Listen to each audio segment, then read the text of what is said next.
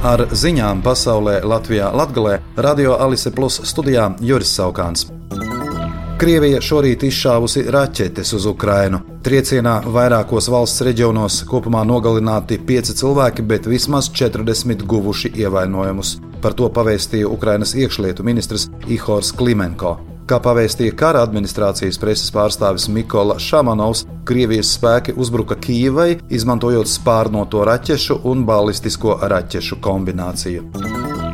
Trešajā valsts aizsardzības dienas iesaukumā, nesavācot pietiekamu skaitu brīvprātīgo, šodien Latvijā pirmo reizi notika izloze, kurā pēc nejaušības principa tiek izraudzīti jaunieši, kuriem būs jādodas dienēt. Par to informē aizsardzības ministrija. Atlasē ar speciālu gadījumu skaitļu ģenerēšanas programmu tika atlasīti 300 iesaucamie, bet pēc veselības pārbaužu veikšanas dienestā tiks iesauktas 150 personas. Iesaucamajiem par neierašanos uz veselības pārbaudēm paredzēts brīdinājums vai sots līdz 350 eiro, par neierašanos dienesta vietā, piespiedu nogādāšanu dienesta vietā vai soda nauda no 50 līdz 5000 eiro. 2023. gadā skolēnu vešana uz skolu un no tās Augstdaugavas novada pašvaldībai izmaksāja 901 492 eiro, jeb gandrīz 1 miljonu. Par to informēja pašvaldības pārstāve Kristīne Kuņicka.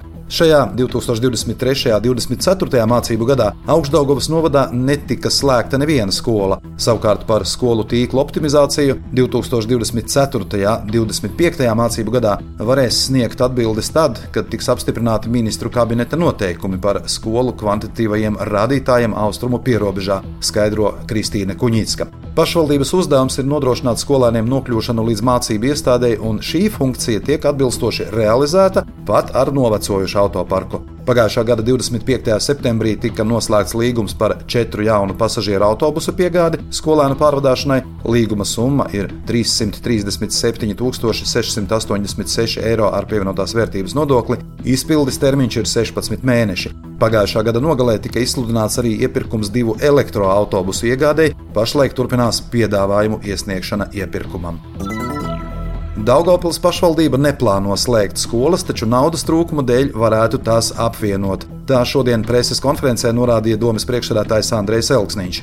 Izglītības un zinātnes ministrijas noteiktajiem skolēnu skaita kritērijiem Daugopilī neatbilst divas skolas - 6. pamatskola un 11. pamatskola. Pašvaldība pašlaik izvērtē risinājumus, ņemot vērā jauno kārtību, un pašvaldība noteikti neies pa skolu slēgšanas ceļu, uzsvēra Elksniņš. Pašvaldībā domāšot par skolu apvienošanu, lai veidotu to skolu ekosistēmu, kādu pieprasa valsts.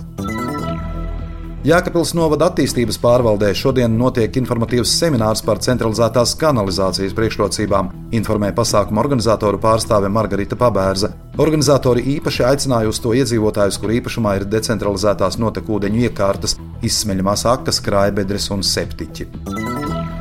Drīz sāksies pirmklasnieku reģistrācija Daugopils vispārējās izglītības iestādēs. 2024. un 2025. mācību gadā mācības pirmajā klasē jāuzsāk bērniem, kuriem 2024. gadā aprit apaļi septiņi gadi. Bet atkarībā no veselības stāvokļa un psiholoģiskās sagatavotības bērns var sākt pamatizglītības apguvi arī sešu gadu vecumā, saskaņā ar vecāku vai aizbildņu vēlmēm, vai astoņu gadu vecumā, pamatojoties uz ģimenes ārsta atzinumu.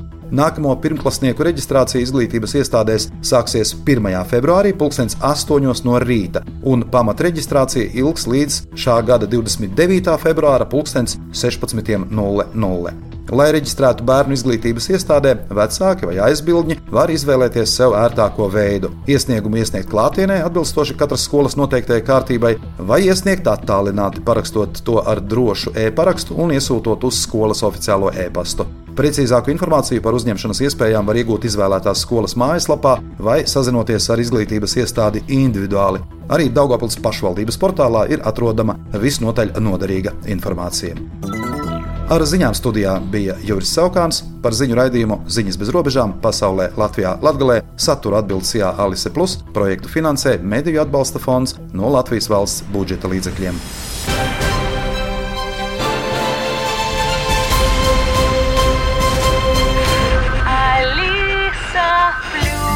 Radio